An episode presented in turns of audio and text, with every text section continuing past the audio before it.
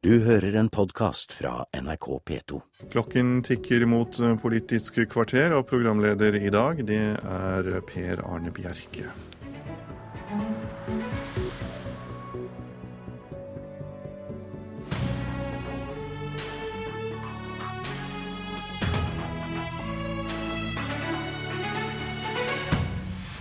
Fritt behandlingsvalg fører til ekstremt byråkrati, mener Arbeiderpartiets Torgeir Micaelsen, og får svar fra helseminister Bent Høie. Kommunal- og moderniseringsministeren vil ha et mer resultatorientert byråkrati. I dag inviterer han til seminar om hva som er god statlig styring. Men først kommer Jan Tore Sanner hit til Politisk kvarter. Helsepolitisk talsmann i Arbeiderpartiet, Torgeir Micaelsen. I et innlegg på din egen blogg så hevder du at fritt behandlingsvalg, slik regjeringen foreslår, fører til et ekstremt byråkrati. Hvordan begrunner du det? Skal jeg kort uh, svare på det, men bare først si at det er tre, to andre deler denne reformen til Høie som jeg støtter. Han sier at det er behov for økt kapasitet for de offentlige sykehusene. Det er jeg helt enig i. Og jeg mener at vi også kan ta i bruk mer privat kapasitet på den måten vi kjøper det gjennom det offentlige i dag. Grunnen til at jeg skriver at det er så ekstremt byråkratisk, er at jeg har lest gjennom høringsuttalelsene som nå har uttalt seg om Høies eget forslag. Og Der er det det gjennomgående temaet. At her er det snakk om at du skal etablere et nytt ledd i helsetjenesten som krever godkjenninger. Du må sette priser på svært kompliserte og uavklarte tilstander, som igjen skal godkjennes. Han skriver at det trengs flere penger til å godkjenne og regulere og kontrollere dette. Og alt fra Statens helsetilsyn til Legeforeningen, alle de offentlige sykehusene, ja selv hans egen støttespiller i valgkampen, Anne Beth Morsleth f.eks., som var en av heiagjengene til forslaget til Høie i valgkampen, sier at dette blir et sammensurium av byråkrati og godkjenninger. Og det er da jeg sier jeg synes at dette forslaget ikke er godt nok.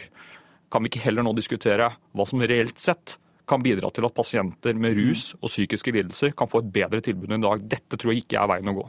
Helseminister Bent Høie, er du i ferd med å gjennomføre reformer som resulterer i tungvinte prosesser og mer byråkrati? Nei, absolutt ikke. Det er jo helt klart at Arbeiderpartiet tapte dette valget fordi at folk så at ventetidene økte og ventelistene økte. Og Høyre og Fremskrittspartiet vant valget fordi vi presenterte nye løsninger for å gjøre at ikke pasienter må vente unødvendig på nødvendige helsetjenester selv om det er ledig kapasitet. Jeg er glad for at Arbeiderpartiet nå har snudd og jeg får to av tre av elementene i denne store og viktige reformen.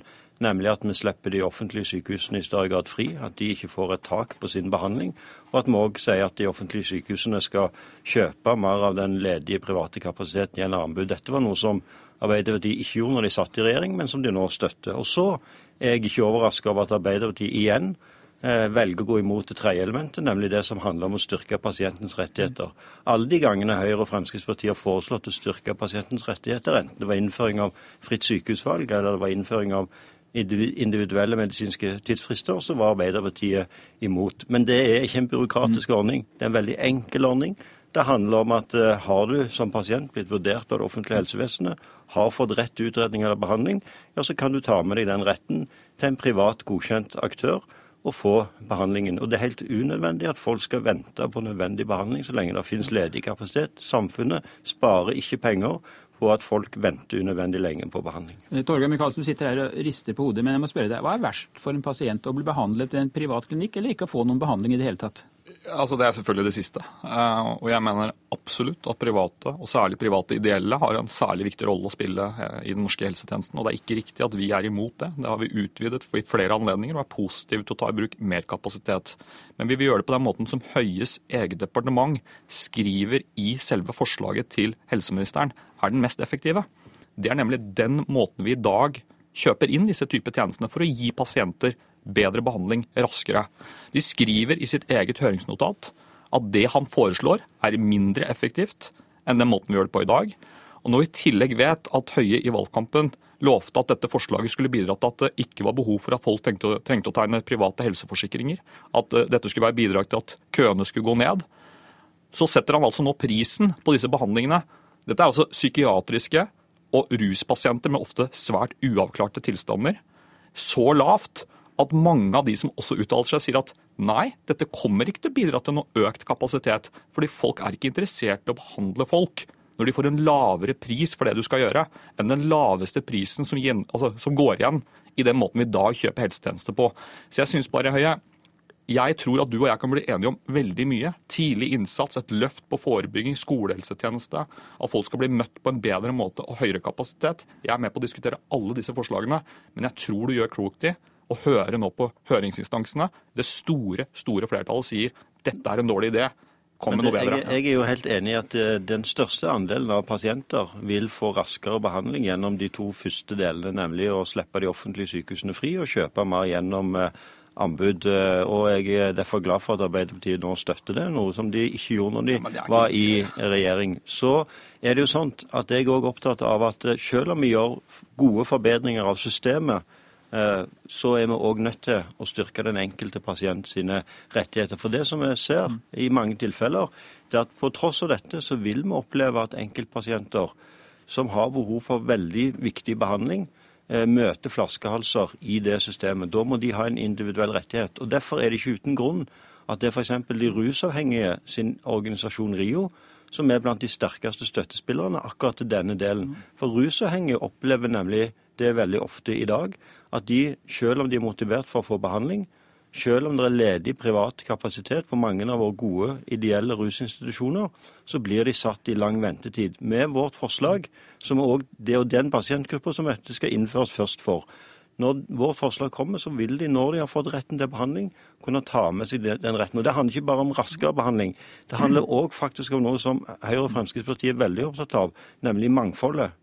Nemlig det å ta hensyn til at mange pasienter har en sterk oppfatning sjøl av hvor de ønsker å bli behandla. Hvilken ideologi hvilken behandlingsideologi som skal ligge til grunn på den rusinstitusjonen. Så Dette handler både om raskere tilgang til behandling, men det handler òg om noe som er veldig viktig for mange pasienter, nemlig også et mangfold av behandlingstilbud. Jo, men Høie, det er jo ikke bare Micaelsen som er kritisk til denne reformen. Du får jo også sterk motbør fra alle de store organisasjonene innen helsevesenet. Gjør ikke det inntrykk på deg? Men, altså det, når Høyre og Fremskrittspartiet vant valget pga. at vi hadde nye løsninger på helsetjenesten, så var det ikke fordi at vi skulle ha mer av det systemet vi har nå. Det var jo fordi at vi skal gjøre en del helt grunnleggende endringer. Og det å innføre fritt behandlingsvalg, det gjør regjeringen nå for at pasientene i framtiden skal oppleve at de ikke skal vente unødvendig lenge på helt nødvendig behandling når det er ledig kapasitet. At det da møter en del kritikk fra de som tradisjonelt sett har vært forsvarere av dagens system, det er ikke overraskende. Men så har vi jo sendt dette på høring nettopp òg for å få gode innspill. Og mange av de som eh, Torgeir Micaelsen trekker fram i sin blogg, de sier jo ikke at de er mot ordningen, men de kommer med ganske gode innvendinger, som bl.a. noen av de er tatt hensyn til allerede i høringsnotatet. Andre ting som vi skal se på, andre er argumenter som vi har hørt før, og som vi ser at det, det er argumenter, men de er ikke viktige nå, for dette er en så viktig reform for pasientene.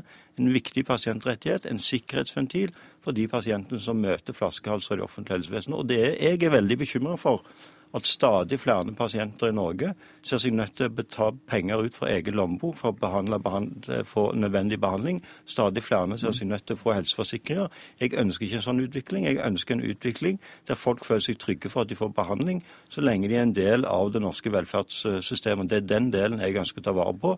At vi i fellesskap betaler for folks helseutgifter. Men, men dette er jo helt enig. Problemet er at det du foreslår, løser ikke dette. Eh, og jeg syns det er litt rart at vi har en helseminister som mener at det er når Legeforeningen f.eks. skriver til deg, Høie, sitat, rus og psykiatri er uegnet, skriver de, som første gruppe ut i reformen.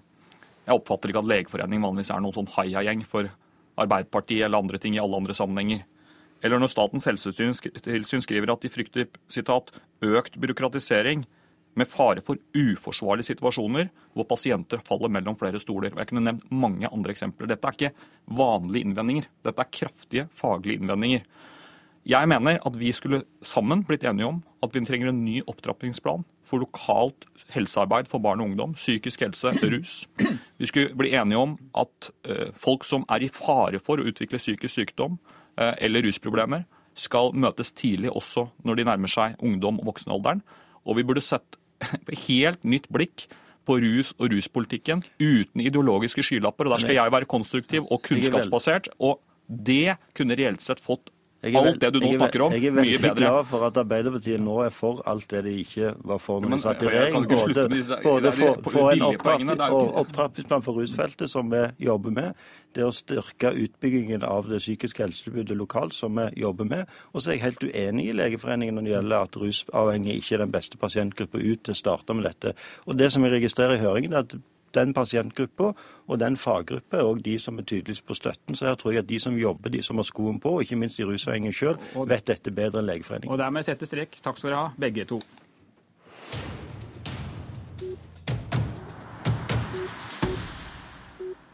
Da skal vi bytte statsråd i studio, og vi skal for så vidt fortsette å snakke om byråkratiet. For i formiddag inviterer kommunal- og moderniseringsminister Jan Tore Sanner til eh, seminar om hva som er god styring i staten. Regjeringen ønsker at forvaltningen skal bli mer resultatorientert og få større gjennomslagskraft. Og Jan Tore Sanner, hvilke endringer vil du gjennomføre for at lederne i staten skal bli mer opptatt av resultatene? Vi eh, setter i gang nå et eh, stort program som heter Bedre styring og ledelse i staten. Utgangspunktet er at vi har en ganske god offentlig sektor i, i Norge. Men vi vet at det er en del utfordringer, og ikke minst så vet vi at samfunnet rundt oss endrer seg. Og når samfunnet rundt oss endrer seg, så må staten endre seg. Vi vet at innbyggerne, næringslivet, brukerne kommer til å stille økende krav til offentlige tjenester. Og også våre egne medarbeidere kommer til å stille krav til staten som, eh, som leder. Og hva må vi da gjøre?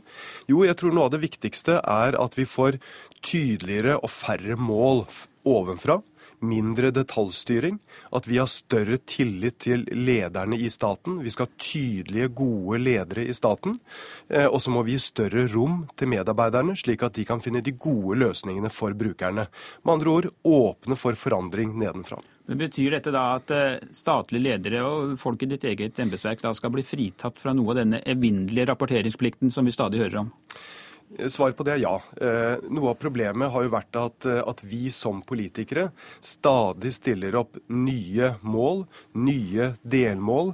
Eh, Pressen kjører frem saker, og så sender vi nye bestillinger til, til våre etater og til departementer. Og konsekvensen av det, det er jo at, at offentlig sektor må sitte og rapportere stadig mer tilbake. Jeg ønsker en offentlig sektor som er moderne, som er attraktiv arbeidsgiver, hvor vi som politiske ledere stiller tydelige krav, men hvor vi også må ha tillit til at medarbeiderne finner de gode eh, løsningene. Jeg tror nok kanskje at ledere i staten har vært mer opptatt av å unngå å gjøre feil enn å søke det som er riktig og det som er de beste løsningene. Derfor så er jeg opptatt av at vi må gi større rom også for ledere til å lede.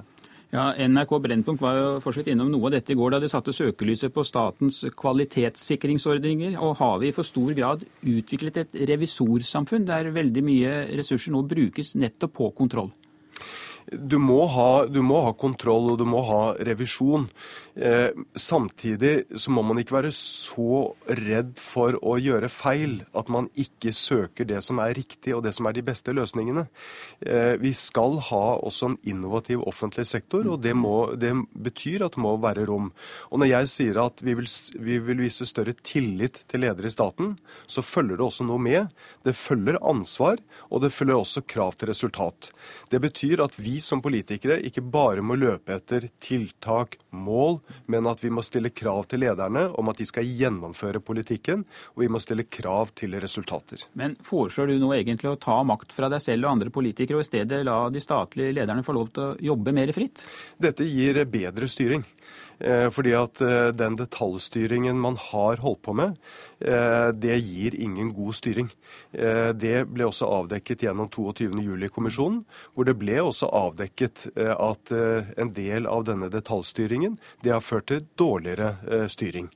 Og når vi vet at antall mål fra, fra departementene til underliggende etater ble mer enn fordoblet i løpet av de forrige, for, forrige åtte år, vel, så er min enkle teori at man blir ikke dobbelt så god og har dobbelt så mange mål. Vi skal ha tydelige mål, vi skal stille tydelige krav til resultat, men så må vi også vise tillit til lederne i staten om at de jakter de gode løsningene.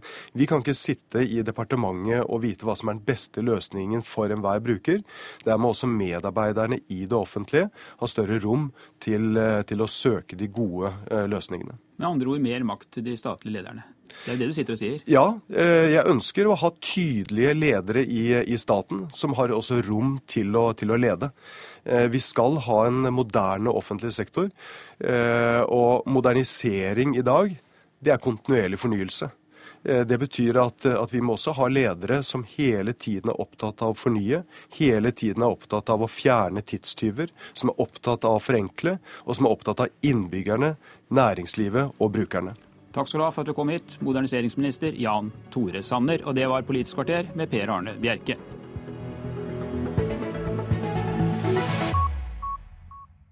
Du har hørt en podkast fra NRK P2.